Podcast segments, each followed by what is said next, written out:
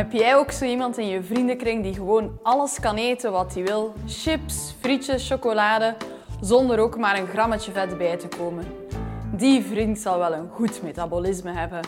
Wel, dat is een mythe. En ik kom jullie vandaag vertellen hoe het echt in elkaar zit. Sommigen beweren geen gram bij te komen, hoeveel ze ook eten. Anderen volgen dan weer tientallen diëten, maar vallen nooit iets af. Hoe kan het verschil zo groot zijn? Dat komt Carolien van de Malen van de Universiteit van Antwerpen ons vertellen. Dit is de Universiteit van Vlaanderen.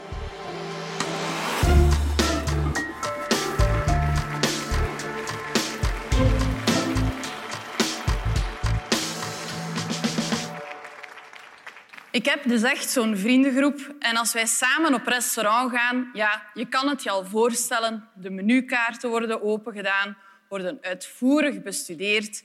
En dan is er altijd wel een vriendin die al haar oog heeft op het voorgerecht, het hoofdgerecht, een dessertje, misschien daar nog iets na. En ja, dan is er ook iemand anders die zegt, ja, voor mij alleen maar een slaatje, want ja, ik heb niet dat snelle, goede metabolisme van die andere persoon die hier heel de menu kan opeten. Ja, dan gaat de discussie zo verder. Nu, ik wil jullie vandaag eigenlijk uitleggen dat er in de regeling van ons lichaamsgewicht eigenlijk een heleboel dingen zijn die veel complexer in elkaar zitten dan enkel de invloed van het hebben van een zogezegd goed of snel metabolisme of het hebben van een slecht of een traag metabolisme. Laat ons daarvoor beginnen bij het begin. Als we bekijken hoe ons lichaamsgewicht in evenwicht moet gehouden worden, dan kan ik het eenvoudig voorstellen via deze weegschaal. Dit is hetgeen erin gaat. Dat is bijvoorbeeld wat we eten. Dat zijn de gezonde dingen, maar evengoed de ongezonde dingen. En deze kant is wat er uitgaat. Als er meer ingaat dan dat eruit gaat, gaan we uiteindelijk meer bijkomen in gewicht. Dat klinkt redelijk logisch. Anderzijds, als er meer uitgaat dan er ingaat, dus als we de omgekeerde beweging maken, dan zullen we op het einde van de rit normaal gesproken minder moeten gaan wegen. Nu, ik heb hier een aantal gewichtjes uitgehaald. En wat gaat er eigenlijk uit of wat verbruiken we? Enerzijds zou je kunnen zeggen, ja, om meer te gaan verbruiken en om jouw kilo's te laten verminderen, ga meer gaan sporten. Dat is een keigoed idee, maar daar gaan we het vandaag niet over hebben. Dan het andere stukje is dat basale metabolisme, waar ik jullie net over verteld heb. Wat is dat dan? Het basaal metabolisme dat zijn eigenlijk alle processen die dan in ons lichaam gebeuren en die we nodig hebben om ons lichaam gewoon te laten werken.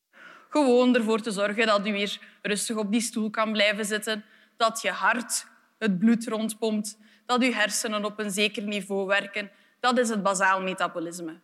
Uiteraard zijn er verschillen van persoon tot persoon. Dat heeft te maken met het geslacht, met de leeftijd, met de lichaamssamenstelling. Maar ik krijg heel vaak in mijn praktijk de vraag...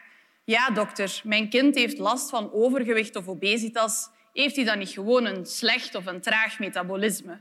Mocht het zo gemakkelijk zijn, ja, dan hadden we het al heel snel kunnen oplossen. Maar in de praktijk is het niet zo dat alle mensen of kinderen die last hebben van overgewicht of obesitas een traag basaal metabolisme hebben. Het is zo dat we eigenlijk, als we kijken naar de evolutie van de mensheid, dat er bepaalde processen zijn moeten ontstaan om te regelen wat we gaan eten en wat we gaan verbruiken. En daarin speelt ons brein de belangrijkste rol. Ons brein moet kunnen reageren uit prikkels, enerzijds vanuit ons lichaam zelf, dus vanuit de organen, maar anderzijds moet ook kunnen reageren uit prikkels uit de omgeving. Ik geef hierbij als voorbeeld hoe we komen uit de tijd van de voedselverzamelaars. We moesten vroeger op jacht gaan om ons eten te gaan verzamelen. Er waren perioden van voedselschaarste. Er waren periodes waar het heel koud was, dus waar we moesten gaan zorgen dat we toch een beetje reserve hadden. En zo is er eigenlijk een mechanisme ontstaan in onze hersenen waardoor we informatie kunnen integreren vanuit ons gastro-intestinale stelsel, dus de lever, de maag, de darmen. En dat communiceert eigenlijk met onze hersenen. Het centrum in onze hersenen dat daarbij een belangrijke rol speelt, is de hypothalamus. En de hypothalamus die gaat eigenlijk ervoor gaan zorgen dat er een evenwicht is tussen het gevoel van honger en waarbij je dus gaat gaan eten, en anderzijds ook het gevoel van verzadiging, waarbij je genoeg hebt en niet moet gaan eten. Zoals ik zei, heb je eigenlijk twee soorten prikkels waarop het systeem zal reageren. Enerzijds de prikkels die vanuit ons lichaam zelf komen. Hoe werkt dat dan? Als je dingen gaat eten, hè, bijvoorbeeld je, je neemt een appel of je gaat frietjes eten, het maakt niet uit wat, gaat dat via de slokdarm zo in onze maag terechtkomen. De maag zet zich uit, de voedingsstoffen gaan zich verplaatsen tot de darmen en daar gaan bepaalde stoffen vrijgesteld worden die een signaal moeten geven naar onze hersenen. Ik geef hierbij het voorbeeld van het GLP-1. Jullie hebben misschien al gehoord van een recente hype in de media waarbij er nu een soort medicatie bestaat die eigenlijk heel hard lijkt op de stoffen die vrijgesteld worden uit de darmen. En dat zijn eigenlijk de GLP-1-analogen. Die gaan eigenlijk naar onze hersenen het signaal gaan doorgeven dat we eigenlijk genoeg hebben of dat we geen honger hebben. Dus door het ingeven van zo'n spuitje kan je eigenlijk je hersenen een beetje foppen. Daarom krijg ik nu in mijn praktijk ook meer en meer de vraag van ouders of ze niet gewoon een spuitje kunnen geven aan hun zoon of hun dochter, zodanig dat die geen honger meer heeft en dat die op die manier gewoon gemakkelijk kan vermageren. Eigenlijk zit het een stukje complexer in elkaar. Want we gaan niet enkel reageren op de prikkels die komen vanuit ons lichaam zelf, maar we reageren ook uit heel veel prikkels vanuit onze omgeving enerzijds en anderzijds ook op bepaalde emoties. Het is niet zozeer dat we enkel gaan voelen ik heb honger ehm, als je gegeten hebt. Maar sommige mensen hebben bijvoorbeeld ook heel snel het gevoel als ze verdrietig zijn of als ze boos zijn, dat ze honger hebben. Dus gaan na een break-up met een pot Ben Jerry's in de sofa zitten, eten die volledig leeg en hebben dan eigenlijk het idee van oh, ik heb eigenlijk nog honger. Dat komt omdat de beide centra, dus deze die de informatie krijgt vanuit het lichaam zelf en deze die je krijgt vanuit de emoties of vanuit de omgeving, eigenlijk vlak naast elkaar liggen. Het systeem zit zeer flexibel en adaptief in elkaar. En we weten dan ook dat het voor sommige mensen veel moeilijker is om weerstand te bieden aan prikkels die komen uit de omgeving. Denk maar bijvoorbeeld aan je loopt voorbij een bakkerij, daar zijn net lekkere croissantjes gebakken. Of je fietst voorbij een frituur, je ruikt die lekkere frietjes. Voor de ene persoon is het veel moeilijker om weerstand te bieden aan die prikkels en om daar geen hongergevoel van te krijgen dan de andere. We zien ook in bepaalde families dat eigenlijk het probleem van overgewicht of obesitas een beetje van generatie op generatie overgaat. En dat noemen we epigenetica. Het is niet zo dat er een fout is in een bepaald gen, maar het is eigenlijk zo dat we weten dat de, de feedbacksystemen, zowel van intern als vanuit externe prikkels, minder gevoelig zijn en dat deze mensen dus sneller zullen meer voedingsstoffen gaan innemen dan dat ze nodig hebben. En als laatste is er uiteraard een grote verandering. Ik sprak over het systeem dat is gemaakt voor ons als mensen in de tijd van voedselverzamelaars.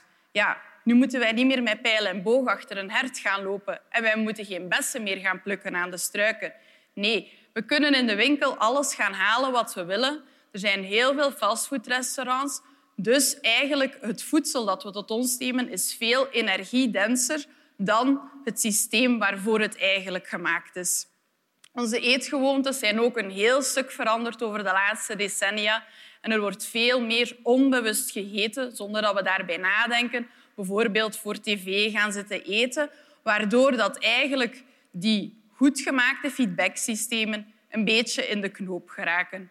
Dus om een antwoord te geven op de vraag waarom verdikken sommige mensen sneller dan anderen, dat heeft eigenlijk vooral te maken met de regulatie van de voedingsinname, die centraal vanuit de hersenen wordt geregeld en waarbij bepaalde mensen om verschillende redenen, vaak onbewust, meer energie of meer kilocalorieën zullen innemen dan verbruikt worden. En dan, op lange termijn, zullen ze bijkomen in kilo's op de weegschaal. Maar enkel het hebben van een traag of slecht metabolisme of het hebben van een snel of een goed metabolisme, dat is een fabeltje. Dankjewel, Carolien van de Malen, om dat fabeltje de wereld uit te helpen voor ons. Wil je trouwens weten wat nu echt het beste dieet is? Luister dan naar aflevering 379 met Christophe Matthijs. Heel graag tot daar of tot een volgende keer.